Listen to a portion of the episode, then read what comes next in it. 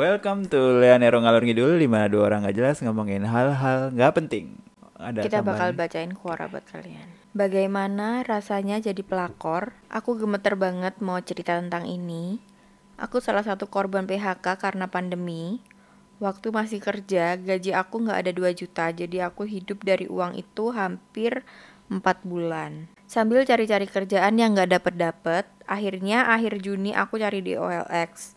Banyak banget tawaran kerjaan melecehkan dari user OLX. Aku sedih banget dan gak putus asa buat dapet yang halal. Sampai pada hari di mana uang aku tinggal 100 ribu, aku juga perlu buat bayar ujian kuliah dan bayar KKP.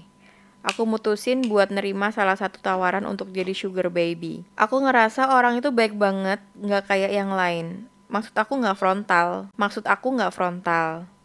Aku bilang aku masih perawan dan gak mau dijebol, dan dia setuju untuk tidak melakukan seks. Dia bilang, aku bantu jaga aku bantu kamu jaga itu. Dia juga sepakat hanya temani jalan-jalan, cerita atau sekedar peluk. Akhirnya aku mau jalani sama dia. Pertemuan pertama aku udah dikecewain. Dia nggak bisa nggak ngelakuin seks. Dan parahnya, aku masih kering tapi dijebol paksa. Demi Tuhan itu sakit banget. Jadi ini eksplisit banget sih Aku tendang-tendang perut buncitnya, tapi dia nahan kaki aku. Aku teriak-teriak, aku bilang sakit, aku mohon-mohon buat berhenti. Tapi beneran gak bisa, dia kuat banget. Sampai akhirnya dia lemes dan keluar. hmm? Ya Dia- maksudnya ejakulasi. Dia kebalik kan Dia keluar dan lemes Ya. Setelah itu aku buru-buru mandi dan langsung pakai baju. Aku minta pulang, dia bilang nginep, baru aja ronde pertama katanya. Dia duduk aja lama di kasur sambil main HP. Aku maksa pulang, akhirnya dia mau nganterin pulang. Di jalan dia tanya, "Kau butuh uang berapa? Sebut aja." Aku bilang banyak, karena emang buat bayaran kuliah dan buat makan sehari-hari emang banyak. Terus dia nanya, yang buat sekarang aja. Aku kasih tahu kalau yang urgent banget itu 2 juta. Dia malah maki-maki aku. Ngatain aku perek, ngatain aku penipuan, ngatain aku jahat. Aku tahan nangis di mobil, aku nggak mau kelihatan lemah. Aku turunin satu juta, diketawa dan nggak mau ambil duit di ATM sama sekali. Padahal posisi udah berhenti di Indomaret. Aku diem lama di dalam mobil, berharap aku turunin lagi sambil tetap maki-maki aku. Aku nggak mau jawab kata-kata apa pun yang nyakitin dari dia, karena aku emang nggak bisa merendahkan orang balik atau ngomong jujur yang menyakitkan gitu. Aku tipe yang diem kalau dikata-katain. Sampai akhirnya dia capek pergi ke Indomaret. Aku tanya, kita mau ke mana? Dia jawab, nggak tahu. Aku kesel banget. Ternyata dia cuma muter-muter jalan raya aja. Terus aku diturunin di mall. Enak aja, aku nggak mau. Aku harus dapet duit. Hmm. Terus dia jalan lagi, nggak jelas muterin jalan raya lagi dan ngancem bakal ke rumah aku. Aku pengen banget dapat perlindungan dari orang tua dan keluarga. Tapi aku takut mereka kecewa sama aku. Pas di lampu merah, ada pengemis di jendela sebelah aku. Aku turunin kaca buat ngasih sedekah. Aku kasih nominal yang besar banget sambil berdoa. Ya Tuhan, ampuni aku, tolong aku. Setelah kaca jendela dinaikin lagi, intensitas dia maki-maki udah menurun. Alhamdulillah setida- setidaknya hati ini lebih lega dan malah ada kekuatan buat ngatain dia dalam hati. Kalau aku minta 2 juta aja dia maki-maki aku sekejam dan seintens itu, berarti dia kere banget dong. Dasar nggak modal, dasar penjahat kelamin, gitu terus yang ada di pikiran aku saat itu dan entah kenapa jadi kekuatan aku. Dia makin mendekati rumah aku dan aku udah nggak panik lagi. Toh dia nggak tahu rumah aku di mana. Sampai dia turun di ATM buat ambil duit. Dia pinter banget parkirin mobil di pojok, gak ada orang, tapi masih kejangkau sama pendangannya dari ATM. Aku waktu itu mikir buat minta tolong orang karena aku takut dia papain juga. Selama dia maki-maki juga dia ngomong soal bawa kabur. Walaupun gak aku dengerin dengan fokus karena aku sibuk ngatain dalam hati tadi. Setelah ambil ATM, kita pergi lagi. Tiba-tiba dia berhenti di pinggir jalan ngasih aku uangnya. Kan satu juta. Aku males ngitungnya sekitar 300 ribuan. Aku terima aja lah. Aku ngerasa Tuhan pengen bantuin aku segera keluar dari mobil itu. Ada penjual kopi yang ngeliatin aku dari luar. Mungkin dia tahu aku minta tolong. Mata aku juga udah sedikit nangis, tapi aku tutupin gitu tetap nggak mau ketahuan kalau aku lemah. Tapi penjual itu nggak bisa apa-apa, cuma ngeliatin aku sambil mobil kita pergi lagi. Aku diturunin di mall, Aku nggak lupa buat videoin mobilnya dan plat nomornya. Setelah lolos cek suhu, aku langsung lari ke kamar mandi dan nangis sehebat-hebatnya. Malu sama penghuni kamar mandi, aku mutusin buat pergi dari mall itu. Pikiran aku, pikiran aku langsung nyuruh ke counter buat ganti nomor. Aku putusin buat nonaktifin OLX dan semua sosial media yang aku punya kecuali Quora. Aku nggak mau dihubungin sama dia lagi. Aku nggak mau ada foto aku di sosial media. Aku nggak mau ada info sedikit pun tentang aku di sosial media. Aku nggak mau ditemuin sama dia. Masalahnya, dia udah tahu aku kuliah di mana. Ini yang bikin aku bingung. Kalau kalau dia datang ke kampus gimana? Aku mau bener-bener mau lepas dan mohon ampun. Banyak cerita dari kuarawan atau kuarawati tentang enaknya jadi sugar baby. Aku sebelum mutusin buat mau jadi sugar baby aja aku cari info di sini. Aku lihat semuanya menyenangkan. Sekali ketemu dapat 10 juta. Aku tergiur akan itu. Tapi guys, mereka hanya beruntung. Aku nggak bisa menikmati seks dengan orang sepuh. Aku nggak ngedapetin untung sama sekali. Ini malah pelecehan atau pemerkosaan. Ini ini jahat banget gak sih? Ini dark banget. Hmm. Serem banget. Ini parah. Tapi emang itu risikonya kan pekerjaan kayak gini kan. Hmm. Makanya kalau emang masih kayak pertama kali banget itu kan sangat berbahaya banget kan untuk dirimu untuk ngelakuin itu gitu loh. Pertama kali kan belum ada sistemnya nggak tahu gimana securitynya gimana verifikasinya apalagi belum ada deal soal harga di depan. Terus tau dibawa ke kamar hotel kan itu sangat-sangat membahayakan diri banget kan. Itu perawan loh. Hmm. harusnya nggak semurah itu nggak sih This ya kita nggak usah menjustifikasi berapa harga yang tapi pantas untuk aku perawan ngerasanya, sih. Ngerasanya kayak kayak bener-bener bener-bener jahat mungkin biasa ikut open BO-an gitu loh orangnya. Iya, dan setahu aku kalau open BO emang ya kisarannya segituan Segitu kan. kan. Mm -hmm. Cuman kan kalau kayak gini tuh emang untuk uh, apa tuh sebutannya? Amateur. Itu kan sangat-sangat ya itu high risk. Iya iya karena karena nggak dan nggak ngerti sistemnya harus kayak apa itu sih.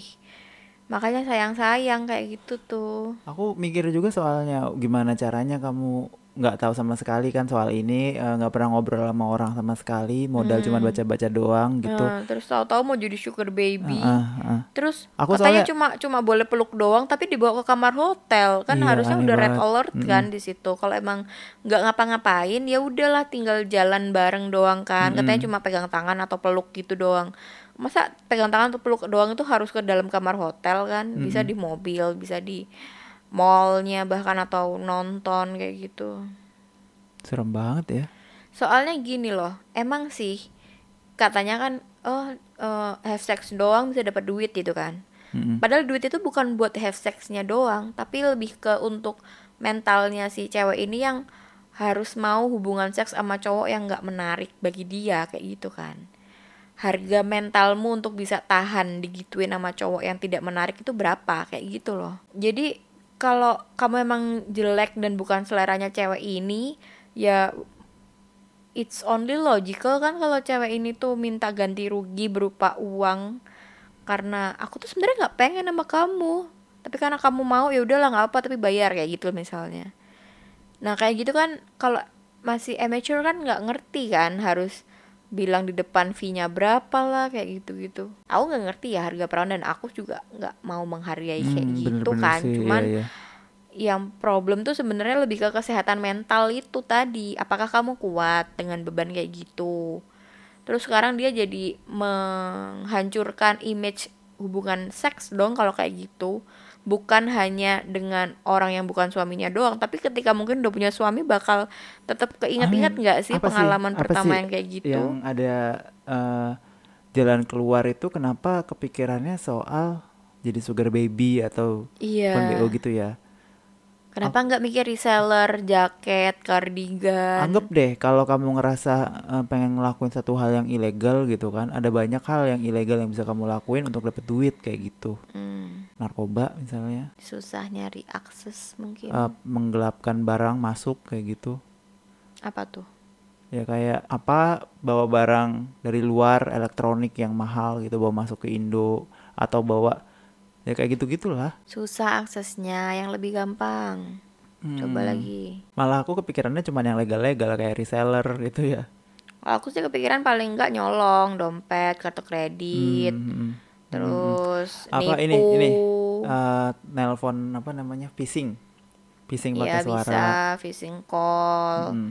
terus pura-pura jualan padahal nggak dikirim hmm. itu ya semua ilegal dan lebih low risk ya yeah. dibandingin sama kamu jual diri karena hmm. jual diri itu kan ketemuan ya orang aku aja jualan yang legal aja diajak COD itu aku males karena kayak ngapain aku harus datang ke suatu tempat yang aku bahkan nggak ngerti tempat jualan. itu kayak gimana buat nganterin barang ke orang yang aku juga belum pernah ketemu sebelumnya pertama bahaya banget karena kalau orangnya nyolong gimana terus aku ditinggal kabur gitu yang kedua ya kalau orangnya datang kalau nggak datang gimana kayak gitu kan jadi buang-buang waktu dan aduh repot banget deh. Makanya Jualan apalagi ini dibawa ke dalam kamar hotel, hotel sama bapak-bapak gak jelas itu kayak jijik banget kita kan ya udah jualannya online gitu kan. Kenapa kita harus jadi COD juga? Itu kan juga aneh sih ya.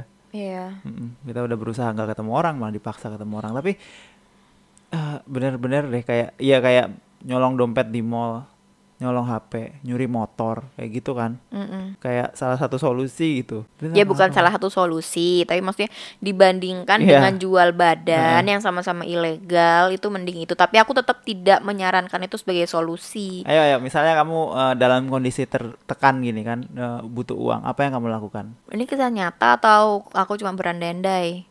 Kalau kisah nyata gimana? Kisah nyata kan kita udah pernah iya berkali-kali. Jual barang-barangmu yang kamu anggap punya harga. Kalau aku kayak gitu pertama. Kita kan waktu itu jual kamera mm -hmm. jual Nintendo Wii. Mm -hmm.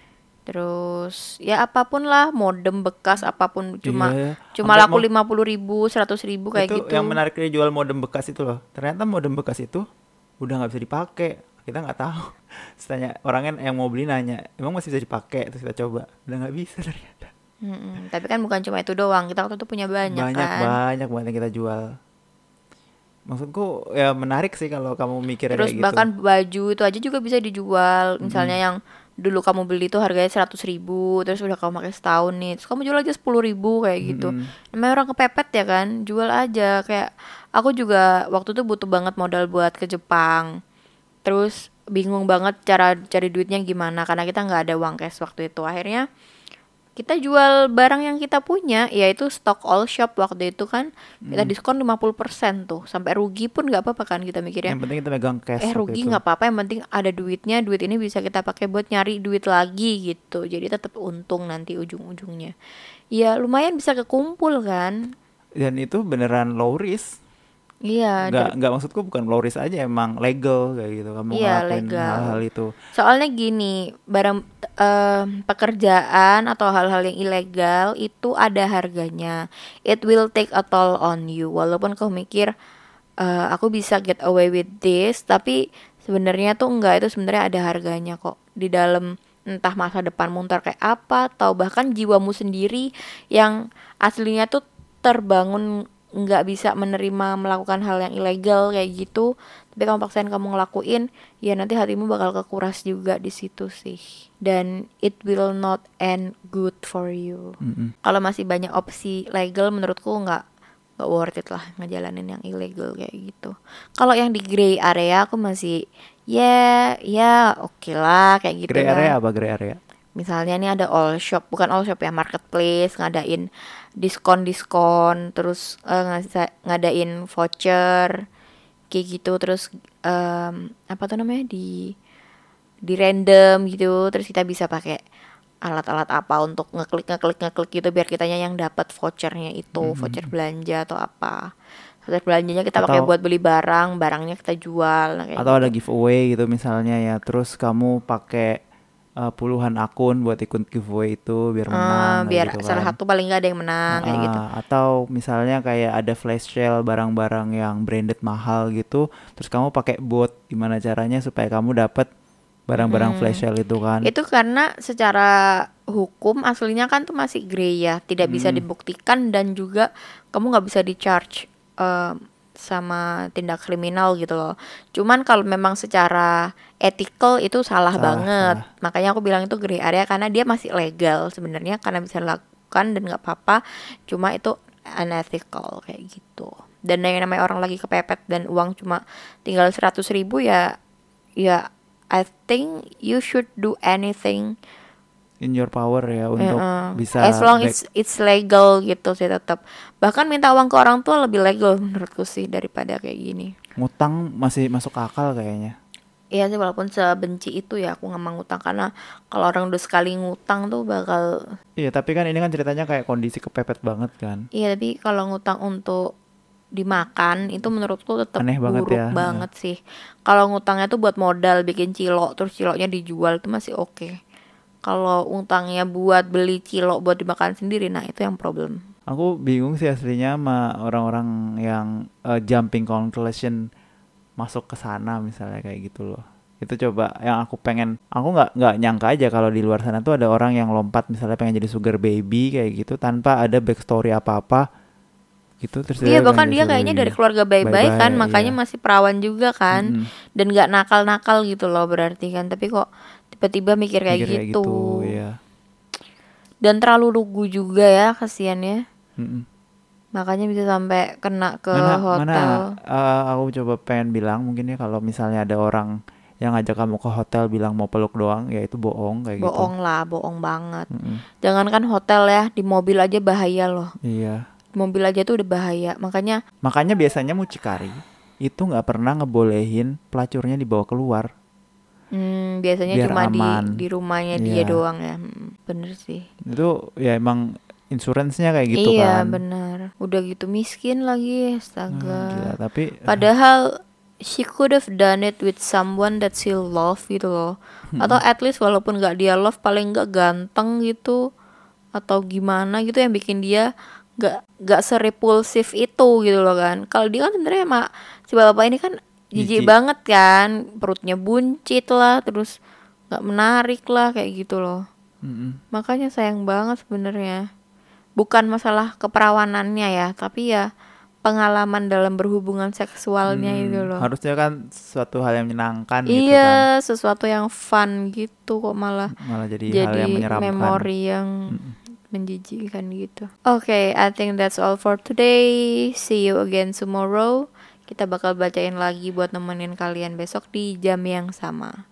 Kalau kalian mau ngontak kita bisa di Wi Aprilia dan nerorisme bisa Twitter, di Twitter ataupun dan Instagram. Instagram. Oke, see you tomorrow. Bye Bye bye. bye.